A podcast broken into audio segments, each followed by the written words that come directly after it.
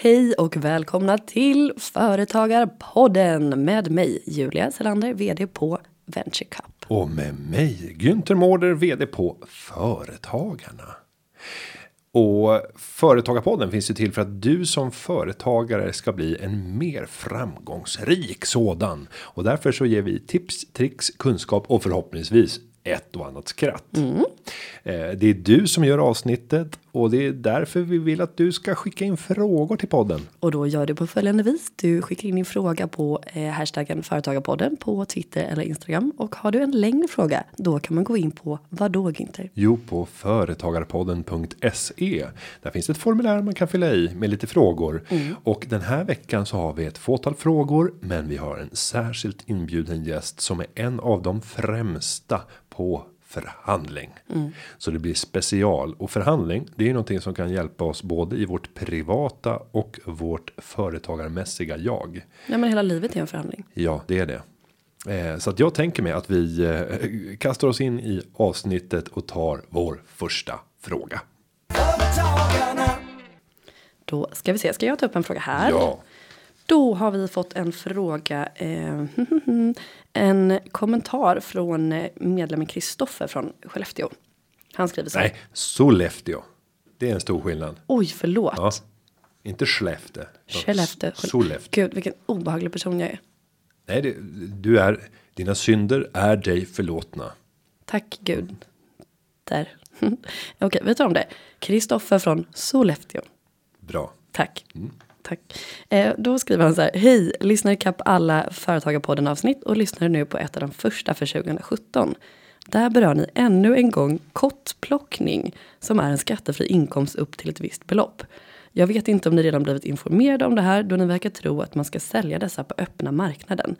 Men skogsbolagen köper kottarna man plockar och förpackar i samma sorts säckar som vid potatisupptagning för att använda fröna när de tar fram nya plantor.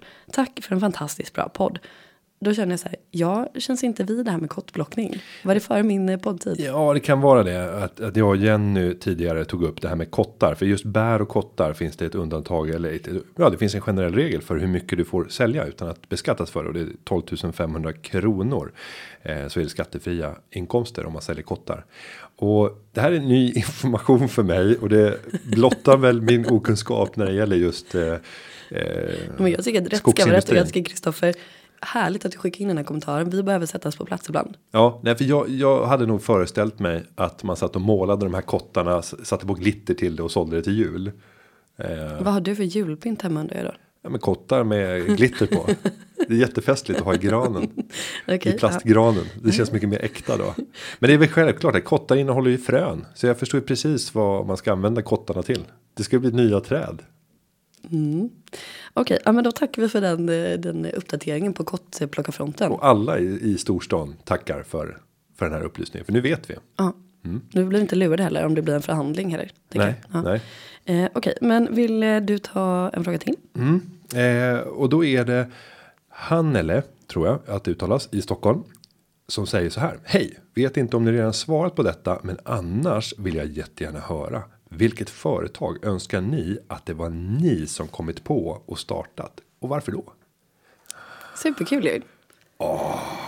Uh, um, jag, alltså det finns en herrans massa bolag som man önskar att man hade startat. Kanske också att man inte hade startat. Men jag tänker att för mig är det viktigt att eh, företaget bidrar till någonting. Att värderingen ska, ska sitta. Så att då tänker jag ju ja, men alltså min kära chef då tillika styrelseordförande Research Laboratories. Eh, det bolaget tickar in de boxarna av att ja, men, eh, det här är alltså en algoritm för att minimera strålningen när man tar bort cancertumörer och då tänker jag att man dels har en, eh, en tjänsteprodukt som tyvärr då, ja, den är skalbar, det finns en stor marknad, eh, men man gör samtidigt gott. Och eh, ja, det, det känns viktigt för mig. Så att det, där, det hade jag gärna startat också för att det går väldigt bra för dem. Eh, men sen tänker jag en annan typ av bolag som då också tycker in det här med värderingar och att man kan förändra någonting. Eh, ja, men, känner du till Natural Cycles? Mm, ja, jag har hört talas om namnet men jag kan inte placera det. Mm, det är ju en eh, app och en tillhörande termometer som eh, kvinnor kan ta då för att mäta men Ja, preventivmedel ja. helt Ja. enkelt. Så att istället för att du stoppar i dig massa hormoner på olika vis för att eh, förhindra graviditet så kan du då ta tempen varje morgon när du vaknar och så för du in statistiken i en app och så räknar den ut din cykel där. Sen kan du då välja om du vill bli gravid eller inte bli gravid. Ehm, och det här är ju helt fantastiskt för det funkar. Eh, och det tycker jag är lite revolutionerande. Det är som finska rycket. Finska rycket. Ja, det är första preventivmedlet som uppfanns. Alltså. Det gamla klassiska. Nej. Ja, I alla fall, jag tycker inte du ska ta bort seriositeten där. Men jag tycker att det, det här är urtypen på ett bolag som jag hade önskat att jag startade. För det är så coolt för att de får också ganska mycket skit. Att säga nej, det funkar inte alls. Det, men, så här är det väl också med alla typer av eh, tjänster och eh, produkter som, som gör livet bättre för kvinnor. Att, ah, men det, ska inte, det är inte riktigt lika intressant. Och när någon då går i bräschen för att göra saker bättre. Eh, då, då ska man liksom tvivla på det jättemycket. Jag var hos, eh, ja, skitsamma, nu berättar jag det här. Men jag, jag använder Natural Cycle så det funkar superbra. Ehm, och då när jag gick dit och, och till min eh, ja, barnmorska heter det, fast man inte har några barn. Skitsamma. Jag gick dit och då sa hon så här. Ja, du kan, eh, du kan absolut ta natural cycles. Men välkommen tillbaka om tre månader när du är gravid. Jaha, okej. Alltså, så att de har sån stark misstro till det här. Och då går jag igång på det. Då ska jag visa att nej, det funkar ändå. men så att för mig är det eh, gärna ett bolag som är på något sätt skalbart. Att det kanske förändrar eh, en marknad och att, det, att man får lite publicitet. Att man lite kanske är en underdog på något sätt. Så man får försvara så här och sen visa dem. Typ så. Ja, men nu ska vi också tillägga att det här är alltså ingen rekommendation från företagarpodden eller var, vare sig Venture Cap eller företagarna eh, att förlita sig fullt ut på det, utan det säkraste det är att använda Det eh, finska rycket. Nej, ja, fi- finska, Nej, finska rycket med kondom och slicklapp. Då, Günther. Ja, Då- vadå, det är väl visst en rekommendation. Vi har absolut inte, vi har inte fått någon sponsor av Natural Cycles. Det här är bara ett genuint tips från mig. Att Mm. ta reda på mer om du är intresserad. Mer så kan jag inte säga. Man får väl vadå, det är väl lika säkert eller osäkert som något annat. kanske. Nej, inte kanske, det är Nej, bevisat. det är bevisat, Ja, bevisat. Vad, vad, nu lämnar vi det. Men Ja, man kan lita på det i alla fall. Eh, vad tänker du? Vad hade du velat skapa för bolag? Jag hade tänkt så här att jag skulle vilja ha ett snillbolag. Någon som har löst ett stort problem och nu vet inte jag eh, hur så att säga penicillin. Eh, vilket företag, det här borde jag ha läst på innan. Vilket företag blev det sen som eh, yttrade sig i form av den här innovationen. Eh, och det kan jag inte. Men typ den typen av företag hade varit coolt. Där man löser ett stort problem. Precis som research. Ehm, men sen så ändå så är jag imponerad över den som gör någonting som många redan gör. Men gör det på ett annorlunda sätt. Och där har vi ju Ikea. Och det passar ju bra 2018. Alltså Ingvars avslutande år. Eh, den skapelse som han lämnar efter sig är ju helt osannolik och han har byggt den med liksom grundvärderingar som jag står för också. Eh, så att Vad är det tänker du? eh, billigt. jag tänkte att du skulle säga. Håll, hållbart och platta paket för att minska möjligheten för ett utsläpp. helt folk att skapa sitt eget folkhem och det är transport och det är, de satsar mycket på miljö så här, billigt. billigt, billigt. Fyndhörn, ja men fyndhörnan på Ikea. Nej, Slit och släng. nej men man kan fördjupa sig rätt, rätt mycket Okej, där men och, och inse att det finns mycket att ställa upp på. Eh, I hela bygget av, av Ikea på många sätt och vis. Sen kan det finnas några frågetecken också. Kopplat Men- till konstruktion. Såklart, men Mm. jag tänker att det, det hade inte suttit fel för dig att vara en sån liksom urfadersgestalt i, Nej. när, du, när du trillar av pinn så att säga. Men jag hade gjort det annorlunda. Jag hade noterat Ikea för att Sverige behöver Ikea. Men Ikea behöver inte Sverige och svenska folket. Eh, Så att det hade jag gjort för att få dela den här skapelsen med eh, alla svenskar.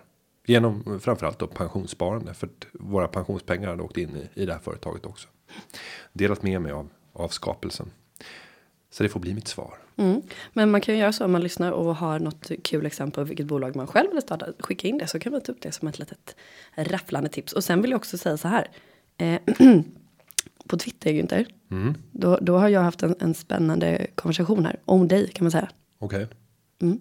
Har du sett den? Nej. Nej. Det är alltså John Angelmo som då är ett eh, Veidit på, eh, på Twitter. Och han har, han har eh, tipsat mig om en grej. Vad? Han har, han har sett en film här som är... Va? Kolla på det här.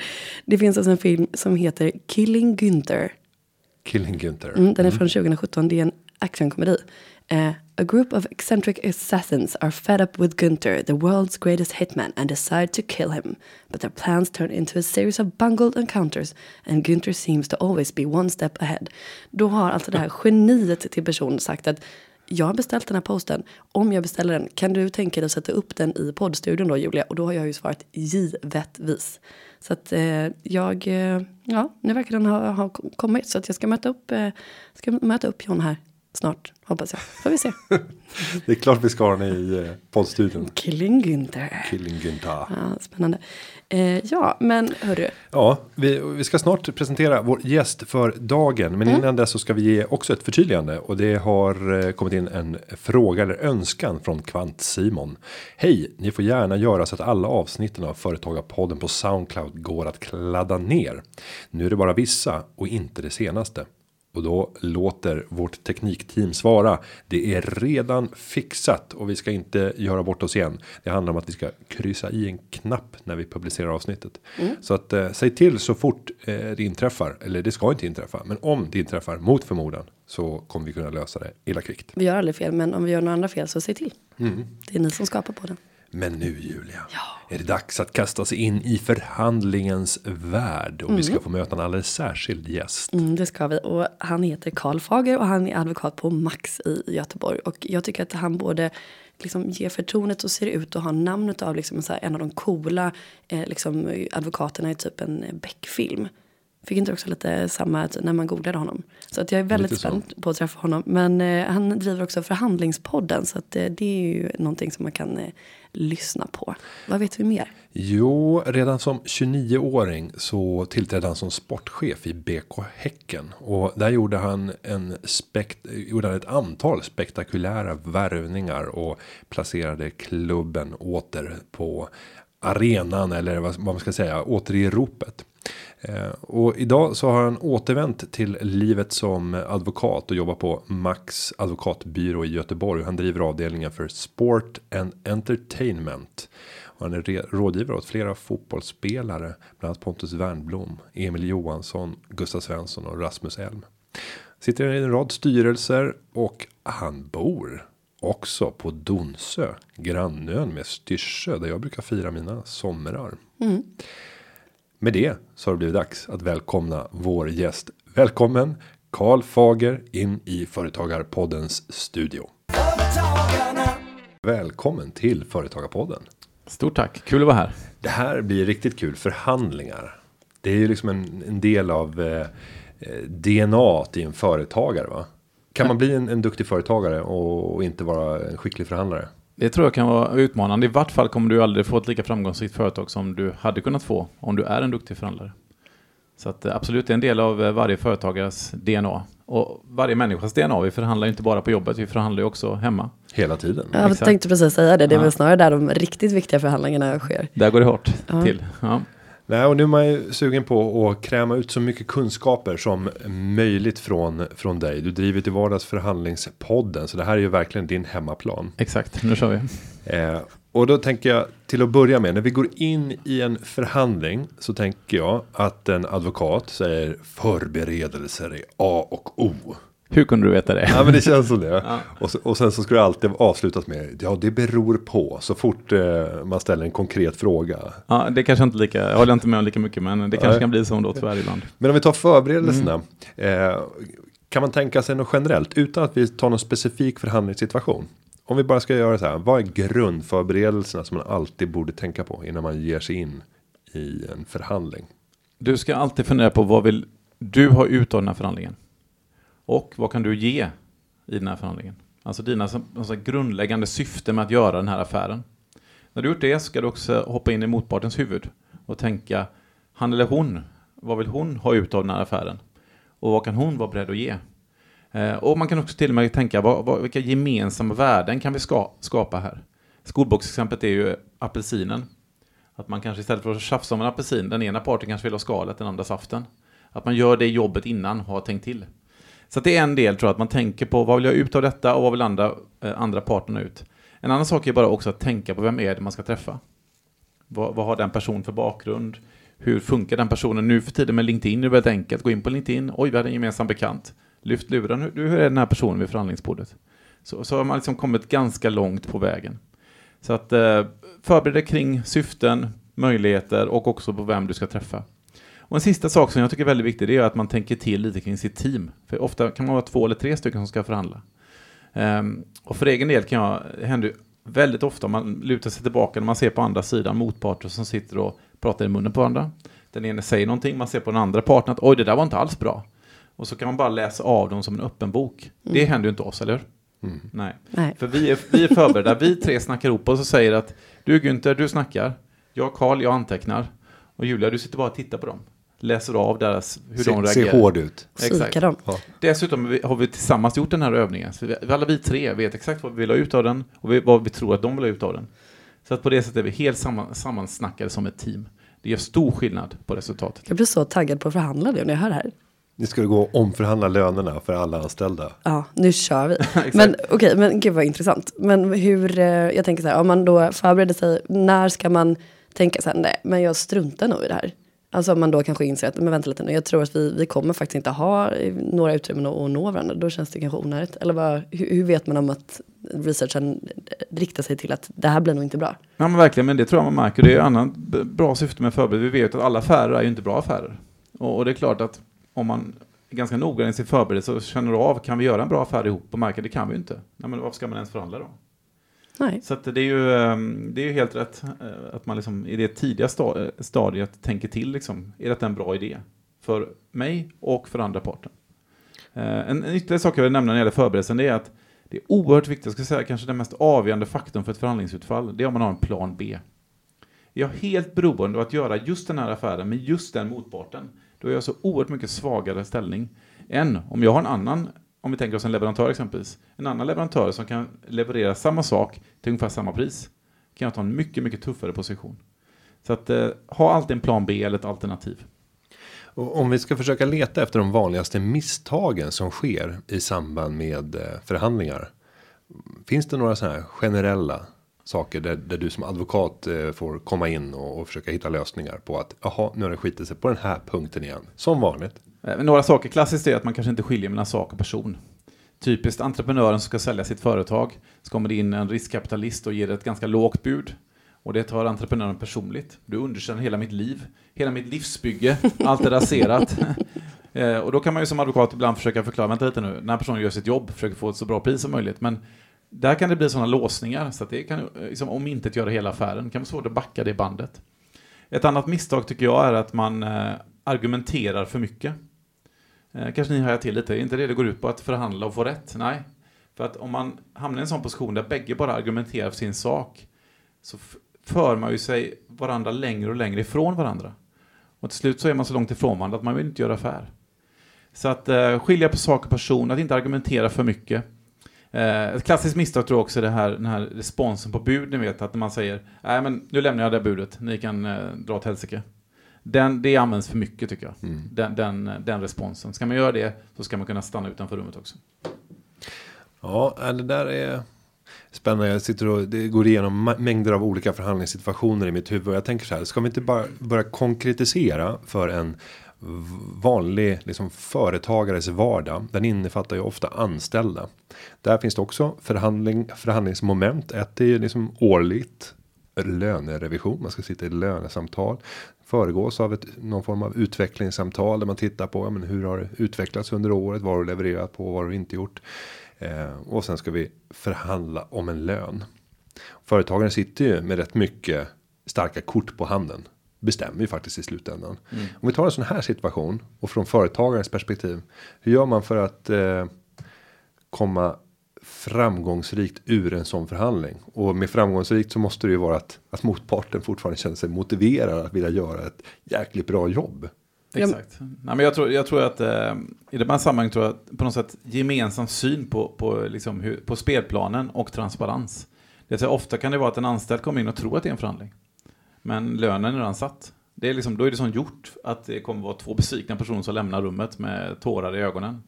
Så att man på något sätt börjar med det, liksom korten på bordet. Vi har den här potten i år, jag tänker så här, vad känner du kring det?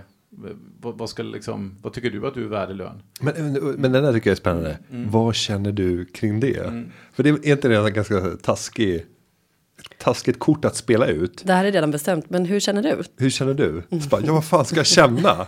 Du har precis pissat mig i ansiktet Nej, och gett mig en skitlön.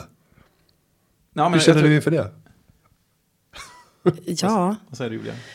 jag känner att jag är öppen för förhandling. Så känner jag. Ja. Ge mig ett bästa bud.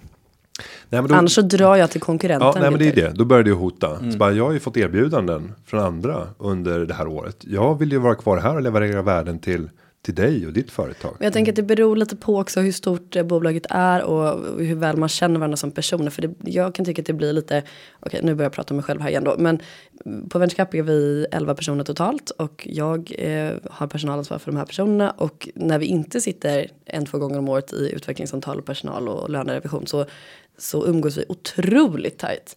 Och då kan jag uppleva att det är mycket så här när man har det som första jobb också ibland att man liksom okej vi har aldrig på oss liksom kostym men just den dagen då ska man klä upp sig lite grann och då är det minst och så har man liksom ja, tänkt hur, hur den här situationen ska vara för att när man löneförhandlar så ska det vara på ett visst sätt. Och det tänker jag också kan vara ett misstag att man, att man försöker vara någon annan person än den man är. Liksom. Att man också behöver känna sig bekväm i förhandlingen. Eh, och vad jag menar Günther, kanske framförallt att man låter en anställd komma till tals och liksom förklara vad den tycker den är värd och varför. Eh, det tror jag, tror jag är en viktig sak. Jag tror att kombination med transparens. Sen är ju nå- något, varför löneförhandling är så känsligt, det är dels att det handlar om en själv och dels handlar det om rättvisa. Alltså man, man, man jämför sig med varandra etc. Mm, ja, exakt. Så, att, kan man, ju mer man kan närma sig någon slags objektiva kriterier så är det bättre att dra sig bort från det här subjektiva. Eh, där man liksom bedömer att ja, jag gillar dig, därför får du det här. Liksom, så ska det inte vara såklart. Utan eh, öppenhet, eh, tydlig spelplan och eh, rättvisa. Något som jag har gjort som eh, arbetstagare. Det är ju att för, förbereda en dokumentation inför förhandlingen. Eller förhandlingen inför lönerevisionen. Eh, men där jag har försökt kvantifiera. Eh, alla de parametrar som går att mäta i mitt jobb och i min leverans. Och försökt hitta hårda tal på det. Hitta jämförelseobjekt i andra delar av av, eh, hos konkurrenter och liknande. När jag var sparekonom på Nordnet så var det väldigt lätt. Då kunde man mäta antalet pressklipp som man hade varit med i. Tillväxt för bloggen, tillväxt för podden i sociala medier. In, eh, interaktions eh, eh, rate eller frekvens. Och sen så jämföra med alla jämförbara aktörer som hade motsvarande jobb. Så brukade jag överräcka det en halvtimme eller en timme innan vi skulle gå in i rummet. Och bara ta en titt på det här, fundera. Och sen så hade jag även tagit fram deras löner. Mm. Eh, och alla de var ju 15, 20, 25 år äldre än vad jag var. Vanligtvis. Om man tittar på chefekonomerna och, och liknande på storbankerna. Eh, det var en ganska effektiv metod. För då hade man så här, ja men här är ett informationsunderlag bara så att du vet vem du är du pratar med när vi ska ta det här samtalet. Eh, jag tycker att det är taskigt att lämna det en halvtimme innan mötet. Ja, men då har du ändå tid att titta på det. Men du har, inte, du har inte tid att fundera på liksom argumenten och vrida och vända speciellt mycket. Utan du kommer in och så behöver inte jag prata. Så bara, men hur kände du när du, när du såg det här? Tycker du att jag ligger rätt? Eller, så att man själv kan ta över ledarskapet i, i den situationen. Verkligen, och ett bra tips där, både, både som arbetstagare men tycker jag generellt, det kan också vara att man som arbetstagare säger vad krävs för att jag ska få en högre lön?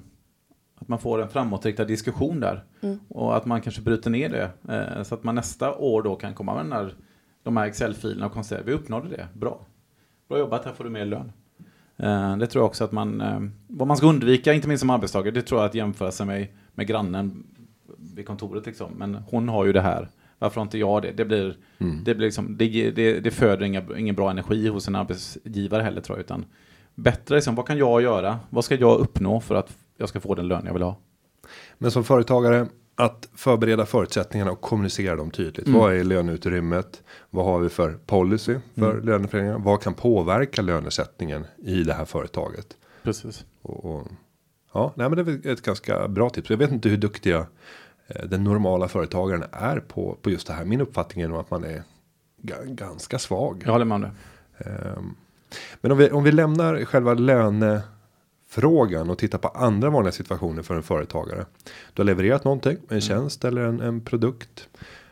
Kunden blir på något sätt missnöjd med leveransen och det uppstår en diskussion som i ett senare skede kan bli en konflikt. Vad händer i det här läget? Vad ska vi tänka på? Det här kan bli en, en tuff situation som skulle kunna sluta i rättssalen om det blir riktigt illa. Eh, ja, när man går in i en sån här förhandling, alltså förhandling efter förhandlingen, Mm. det, är liksom, det sätter ju lite speciellt ramverk, därför att någonstans har man till och med i bakhuvudet att det här kan sluta i en skiljenämnd eller i domstolen. Eh, så det är klart att man, man får ha det lite i åtanke, liksom, att man, man kanske liksom också funderar på vad har vi gjort rätt och ja, vem vem har rätt och fel här. Man, man, man bör nog innan man går in i en sån diskussion göra till och med en processbedömning. Alltså om det här går hela vägen, kommer vi förlora eller kommer vi vinna i skiljenämnden? Eh, inte för att man vill ha det till process, för det vill man ju egentligen aldrig. Men mer bara så att man ändå vet, apropå det här med plan B, vad, liksom, vad, vad, hur starkt står vi egentligen? Eh, sen när man, när man kommer in där så tror jag att det handlar om att jag tror att det här med mjuka värden är generellt sett underskattat i förhandling. Alltså att skapa en känsla där man tycker om varandra, där man har ett ömsesidigt förtroende och där man på något sätt känner att vi vill göra affärer ihop.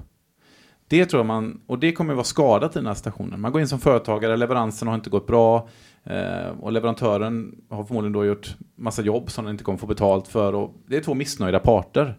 Då tror jag man får backa bandet lite och på något sätt försöka hitta, finns det någon kärna här där vi ändå tycker om varandra, där vi vill, göra, vi vill göra affärer ihop? Inte bara nu, utan för, för en lång tid. Och så kanske man också inte bara kan prata om den här stationen. Min erfarenhet är att kan man också kanske börja prata om vad kan vi göra med den här affären? Alltså ladda in lite positiva värden. Vi försöker läka det här nu. Vi försöker liksom, ja, ni får leverera så att det här blir ordning och reda. Och så kanske vi också kan sätta igång det här projektet. Vi kanske kan göra mer saker ihop. Så att man på något sätt puttar in positiv energi. Det tror jag är väldigt viktigt för att det, det, annars kan det bli väldigt, väldigt negativ stämning i den situationen som du nu beskriver. Men skulle du se det som att, eh, hur blir det ifall ena parten går in och försöker ladda med positiv stämning, den andra, jag tänker att det är ett typiskt tecken på att det kan uppfattas som svaghet i en förhandling.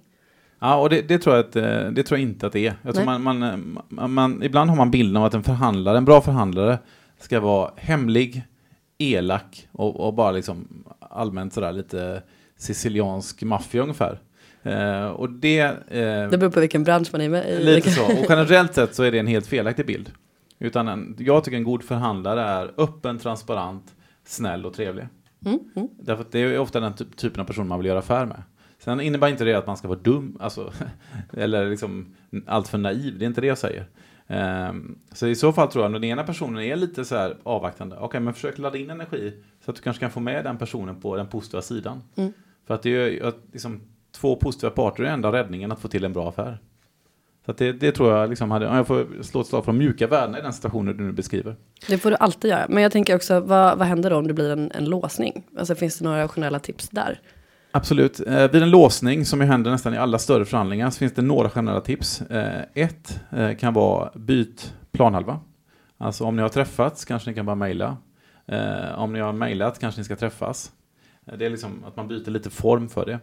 Två kan ju vara eh, byt laguppställning. Om det är vdarna som träffats och det är en IT-fråga kanske IT-cheferna ska träffas. För de kanske kan mötas på ett annat sätt. Eh, ja, att man byter helt enkelt personer. Eh, är advokaterna med kanske advokaterna inte ska vara med, etc. Eh, det tredje är att ta en paus. Ibland kan det vara nyttigt. Man bara, okej, men nu, nu har det gått lite stå här. Eh, och det fjärde kan vara att ibland se, inte på lösning utan på intressen. Vad menar jag med det? Jo, ibland kan det vara att man hakar upp sig ganska mycket på, vi måste ha en bankgaranti. Ja, men, och, och den andra parten har som policybeslut, vi ger inga bankgarantier, det är för dyrt och det är dumt. Mm. Och så, liksom, så blir det en låsning kring det. Att man då lyfter blicken lite. Varför vill ni ha bankgaranti? Ja, vi vill säkra betalning. Finns det andra sätt att säkra betalning? Eh, ja, det kanske kan finnas. Det kanske kan ha återgångsklausuler i kontraktet etc. Då blir det en konstruktiv diskussion igen. Så att lämna diskussionen om enskilda lösningen utan istället prata om intressen. Det är också viktigt i låsningssituationer. Om vi tar i en sån här konfliktsituation. Eh, då kan man ju göra en skiss där man både tittar på vad är worst case för motparten. Om det här skulle bli en skiljedom eller till och med i rättssalen. Och vad blir det för mig? Och då kan man då konstatera att ingen blir ju en vinnare. Det är, ett, det är ett, ett spel där båda kommer att förlora. Eventuellt så är det din, ditt skrå som kommer att bli vinnaren. Det blir lite mer jobb för advokaterna och lite mer för skiljedomare och, och, och skiljemän. Säger man det? Skiljemän, ja. Skiljemän. Man har inte funderat på skiljeperson. Ja, det, är- det borde man kanske göra. Ja, justeringsperson börjar man ju säga inom bolagsstämmovärlden nu. Exakt. för justeringsman. Mm. Men att hålla på att trycka upp det här i ansiktet på motparten och säga att det här är förmodligen de kostnader som kommer att drabba oss om vi väljer att ta det här vidare Mm. till en skiljedom. Det kommer kosta oss 2,5 miljon kronor sannolikt. Mm. Vill vi hit? Jag tycker vi ska börja med att bestämma oss för är det här vi vill att det ska sluta? Mm. Och det, det tror jag verkligen kan vara att man liksom lägger de korten på bordet. Det är 2,5 miljoner för oss, en 2,5 miljoner för er. Eh, så att hur den, hur den går så är det en dålig affär för oss att ta det till process. Så att man liksom enas om idén att okej, men då försöker vi hitta en lösning då. Kan man liksom staka ut den riktningen så tror jag att det är, är väldigt bra. För att annars är risken att man går och gömmer sig lite och så till slut sitter man där i den där skiljenämnden och betalar de där 2,5 miljonerna. Och en kanske får tillbaka pengarna och den andra förlorar väldigt mycket. Och sen tänker jag att det väldigt sällan är så att säga, en enda sak som man har konflikten kring i en leverans. Utan det brukar vara en mängd olika faktorer. Att då börja bryta ner och titta på de fem separata delarna som man skulle kunna se den här konflikten. Som delkomponenter av, av den stora konflikten.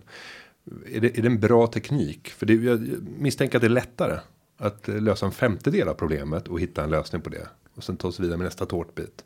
Verkligen, jag tror att projektledning är, är en väldigt viktig egenskap som förhandlare. Eh, så att precis som du helt riktigt beskriver Anne Günther, att, att i en sån här station så kanske det är 20 frågor. Okej, skriv ner de 20 frågorna, eh, sätt upp en agenda för mötet, nu siktar vi på de här fem. Och så betar vi av dem, så vi, tar vi minnesanteckningar på det. Man tar den rollen. Okej, nu kallar man nu till nästa möte imorgon, då siktar vi på att ta de här fem frågorna. Eh, det är också lite sånt tips, om man har liksom ett antal punkter så Eh, tänk på att aldrig ge någonting utan att få någonting tillbaka. Eh, och det är inte för att man ska vara ogin utan av det enkla skälet är att då blir det liksom 10 punkter att klara av istället för 20. Mm. För att okej, men du får det och då får jag det. Bra, bock på två. Eh, så det kan vara lite praktiskt tips att, eh, för att saker bara ska gå framåt fortare. Men om vi tittar på klassiska låsningar vid eh, företagsaffärer. Vilka är de vanligaste misstagen som man gör i den förhandlingssituationen? Nej, men jag tror, eller, ofta är det att man eh, kanske hamnar i ett läge där man, där man blir ovänner helt enkelt.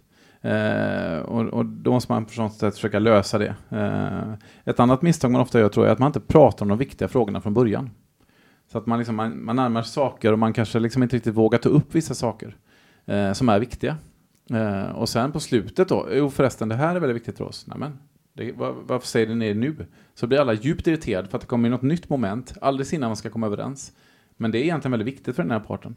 Så det är väl också ett råd då att säkerställa att ni väldigt, väldigt tidigt skede upp på bordet med de viktiga sakerna. Mm. Eh, därför att annars kanske man förhandlar tre månader i onödan. Dessutom så vållar det ofta mycket irritation om man i sent skede kommer fram med nya viktiga krav eller omständigheter. Ja men det är klart, det blir också en, ett slöseri med tid. Mm, Mm. Precis. En annan sak som vållar lösningar, eh, eller som vållar låsningar, ehm, ehm, det är det jag nämnde i förbigående förut, men det är i själva budsituationen. Någon lägger ett bud, ska man svara på det budet. Eh, och då är det många som gått den här skolan att man säger, ah, du, det var det dummaste jag hört. Eh, Gå härifrån och kom aldrig tillbaka. Så tänker man att det där nu, nu, ska vi, nu är jag en tuff förhandlare. Ehm, och och eh, problemet är att det där används alldeles för ofta. Det är alldeles för många som gör det alldeles för ofta. Eh, och det får till följd att eh, ja, det skapar liksom, det bygger inte förtroende. Och eh, ofta, de som säger så har heller ingen plan B. De vill ju göra affären. Ehm, så att om det är en skicklig motpart där, som är tyst i det läget. Okej, du kan gå. Och sen låter det vara tyst. Och så är det tyst. Ingen mail, inga samtal. Och till slut, den här parten som var så tuff kommer att knacka på dörren igen. Du, eh, kan vi ta en kaffe? Mm. Då, Då har man inget jättebra förhandlings... Har man försämrat sitt läge? Ja, men det är, jag, jag tycker som privatperson att det är intressant att observera alla de förhandlingssituationer som uppstår när man köper och säljer saker begagnat. mm. Eh, och det är ju också häftigt för det kan påverka så mycket, särskilt om du är säljare. Eh, så kan ju påverka alla förutsättningar, liksom arenan, vilken inramning som det ska vara. Eh, och bemötande. Men det är väldigt få som har tänkt till där och sen så kommer det alltid. Alltså det finns ju vissa typer av människor som av princip alltid kommer att vilja slänga ut ett prutbud. Mm. Och sen ska man göra en bedömning där snabbt av okej, är det rimligt att ta det här? Eller? Eh, och jag, jag har några sådana här fulgrejer som jag tänkte dela med mig av. Men så fort jag, så fort jag säljer någon, det är det här, nu avslöjar jag ju mig här. Men så fort jag säljer någonting på en begagnat sajt, det finns många att välja mellan. Eh, så att när någon ringer så brukar ju den första frågan vara så här, finns den kvar? När man ringer på en Mm, annons, finns den kvar? Och då brukar jag alltid vara svävande och bara, eh, ja, ja, formellt finns den kvar. Eh, men jag har, men jag har, jag har en köpare som har sagt sig komma ner som ska till Stockholm, skulle åka ner från Sundsvall, det är typ alltid Sundsvall som jag säger, för det är så här lagom avstånd. 40 mil, man åker inte 40 mil om man ska köpa någonting för över 100 000 liksom, utan då kan man vänta två, tre veckor. Så jag har reserverat den från honom, men jag har samtidigt sagt att jag kan inte hålla den här om det kommer någon och betalar det, det fulla priset. Och då vet de att det finns liksom ingen prutmån. Eh, så kommer de väl på plats så är det mycket lättare. För då är det så här, nej men då är det bättre att jag väntar tre veckor. Det finns ingen annan köpare. Men det blir ett väldigt enkelt eh, sätt att slippa den här prutsituationen. Jag blir så stressad nu. Måste köpa innan den här Sundsvallspersonen kommer ner. Så. Ja, och då har du tidsfaktorn som har kastat över på den andra parten. Att nu gäller det att verkligen passa på här. För snart är den här affären körd. Men det tycker jag är intressant. Du kan få frontrunna. Ja, men det är väl också, tänker jag, ett av de största misstagen att man glömmer bort att det faktiskt är människor bakom de här förhandlingssituationerna. Liksom, att man också känner att men jag vill vinna. Alltså jag har vänner som, som så här, åh nu vann jag en auktion på det. Jag bara, va? Vänta, vadå vann? Du har lagt bud och du ska köpa någonting och det har trissats upp priser och då ska du betala. Så du har vunnit en auktion på ja, Tradera då exempelvis. Ja, jo, det har du väl gjort om det är en bra så att den här segerkänslan bakom en förhandling, att man känner att man vill, man vill vinna liksom. Man blir ett klipp. Det finns ju många intressanta mjuka aspekter i det. Och Gunther, vad du visar med din modell där är ju vikten av att ha ett alternativ. Även om det i ditt fall är definierat och eventuellt. Men, men det gör ju att den andra parten fattar, oj, han har ett bra förhandlingsläge. Här får jag klippa till direkt. Så att det är ju just vikten av att ha ett alternativ, fingerat eller inte då. Är ju, är ju, eh, är ju ja, avgörande. Och så fort du börjar prata om Sundsvall så vet man att det är bullshit. Ja, det, varsågod allihopa. Nu, nu kommer jag byta till Växjö bara för det. Nej, men ett annat tips. Jag har ju sålt det, det mest framgångsrika bilförsäljningen jag har gjort. Det var när jag själv gick ut på ett kraftigt underpris på bilen för att skapa ett helt enormt intresse. Det var en ombyggd Ferrari 308 GTO Pininfarina från 1986. Så det är så här, det är en raritet. Så gick jag ut med ett alldeles för lågt pris för att skapa ett inhemult intresse. Och så satte jag bara upp en enda visningstid. Det var över tio sällskap som kom precis på den tiden. Så de fick ju stå i kö till varandra. Och sen så sa jag på plats att jag tänker inte ta emot några bud här på stående fot. Utan jag kontaktar er. Nu får ni möjligheten att klämma och känna på, på denna pärla. Och sen så hörs vi av här senare under kvällen och under morgondagen. Då kommer jag ringa runt till er. Så att man inte har liksom en mäklarroll själv. Och jag trissade upp priset 40% från det utgångspriset. Och vilket blev 20% mer än vad jag hade tänkt mig. Eh, Så helt plötsligt för att man lånar drag från en annan marknad där folk blir helt tokiga när man står tio par och väntar på att snart ska jag få provköra den här bilen. Och sen så när folk börjar snacka skit om saker som de upptäckte var lite fel på bilen. Då tänkte ju alla andra så här. Åh, så där säger du bara för att. Ungefär som när man går ut på en lägenhetsvisning bara. Luktar det lite fukt här? Visst är det mögel? Hur dyrt blir det? Visst är det så att man måste, om det är en kåk, måste man inte dränera om hela kåken? Det går på flera hundratusen va? Måste man installera fläktar tror du?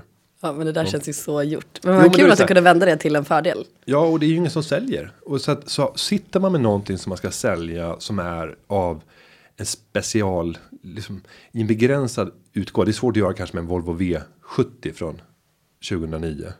Men, men eh, sitter man med någonting som har ett lite samlarvärde eller liknande så tycker jag att det är ett bra tips. Att försöka samla och skapa bilden av att det här är efterfrågat. Snyggt. Det här är många som vill ha. Två andra aspekter av liksom lite mer sån att ge en känsla vid, vid, ett, eh, vid en förhandling. Det är ju dels eh, så en viktig sak att får man ett, ett bud så ska man aldrig, aldrig ta det direkt. Därför att om jag säger till dig eh, den här eh, poddutrustningen kan jag få köpa den för eh, 10 000? Och du säger ja, absolut. Mm. Vad händer där tänker jag då? Du lämnar mig med en känsla av att Apropå det här blivit lurad. Man vill, alla vill känna sig som vinnare. Om du bara nyper det budet direkt så tänkte jag, vänta, jag kommer fortsätta gå och tänka på det där. Och jag kommer se tecken på att, vänta lite, nu var det här paj här, nu, nu ena mikrofonen funkar inte, jag är lurad. Så att aldrig ta någonting direkt, utan alltid egentligen ge ett motbud. Vilket kan verka fånigt då, men just för att inte skapa den här känslan. Eh, och på samma tema, om man sitter i en extremt stark förhandlingsposition, att man alltid ändå ger någonting. Så att inte den ena för tydligt känner sig som en förlorare. Det är någonting som vi ser på, på vår advokatbyrå, att liksom, om det är någon som går in i ett avtal där man liksom verkligen forcerat in ett avtal, man är inte alls nöjd, men man skriver på ändå för man är tvungen. Så kommer man ju sen, när man märker att det är en riktigt dålig affär, vad gör man då? Man letar efter sätt att komma ur den. Och det är inte bra. Så att eh, vare sig ta bud direkt, men heller kanske inte heller trycka så hårt så att den andra parten känner sig som förlorare. Det låter inte så långsiktigt. Det blir dålig karma i relationen också. Dålig karma. Ja, det känns som att vi skulle kunna fortsätta hur länge som helst. Visst är det kul? Innan vi, vi startade den här sändningen så eh, insåg vi också att vi har väldigt många gemensamma nämnare. Eh, Dels Julia med sin Göteborgsbakgrund men, men även jag. Får man säga. När vi bor på grannöar på sommaren. Vi tar eftersnacket på, på Styrsö i Ja, så jag tänker så här att om det kommer in mycket frågor nu som handlar om förhandling så kanske vi skulle göra ett uppsamlingshit och kanske sätta oss ner på, på bryggan nere vid Styrsöbratten eller i Donsöhamn och, och göra ett extra inslag. Vore mycket trevligt. Ja, Förhandling Summer Edition kör vi. skulle, skulle kunna vara. Mm. Det skulle vara väldigt trevligt. Men med det så skulle jag vilja träffa, eh, tacka Karl Fager för att du har kommit till Företagarpodden. Och vill ni lära er mer om, om förhandlingar? Ja, gå in på Förhandlingspodden, eller hur? Tycker jag absolut. Där kan man få höra Karl ännu mer. Så Tack. kul. Ja, nu är jag så taggad på att förhandla. Tack så jättemycket för att du kom hit. Tack för att jag fick komma. Tack. Och där har Karl lämnat studion och jag och Julia sitter fyllda av, ja vad ska vi säga, lust att bara kasta oss in i förhandlingar. Nej men på riktigt så känner jag det. Här ska förhandlas. Här ska förhandlas. Så att eh, vi tänker ta den här energin nu och bege oss ut i vardagen och bara leverera stordåd. Det tycker vi att ni också ska göra. Men jag tycker att det var så himla härligt och, och just det här tipset kring att, eh, men, att man kanske ska ändra inställningen från att men jag ska gå in i en förhandling, jag ska vinna till att ja, men, det det handlar om, det, målet är att båda ska känna sig nöjda. Den här töntiga win-win uttrycket. Men det är det som, som Vi ska gilla varandra. Vi ska vilja återkomma. Mm. Nej, med det så eh, rundar vi av podden och vi säger att det här avsnittet har förberetts av Karin Nygård och klippningen den är gjord av Linda Aunan Edvall. Nu tackar vi. Vi hörs nästa vecka. Ha det så Hej, bra. hej. Hej, svejs.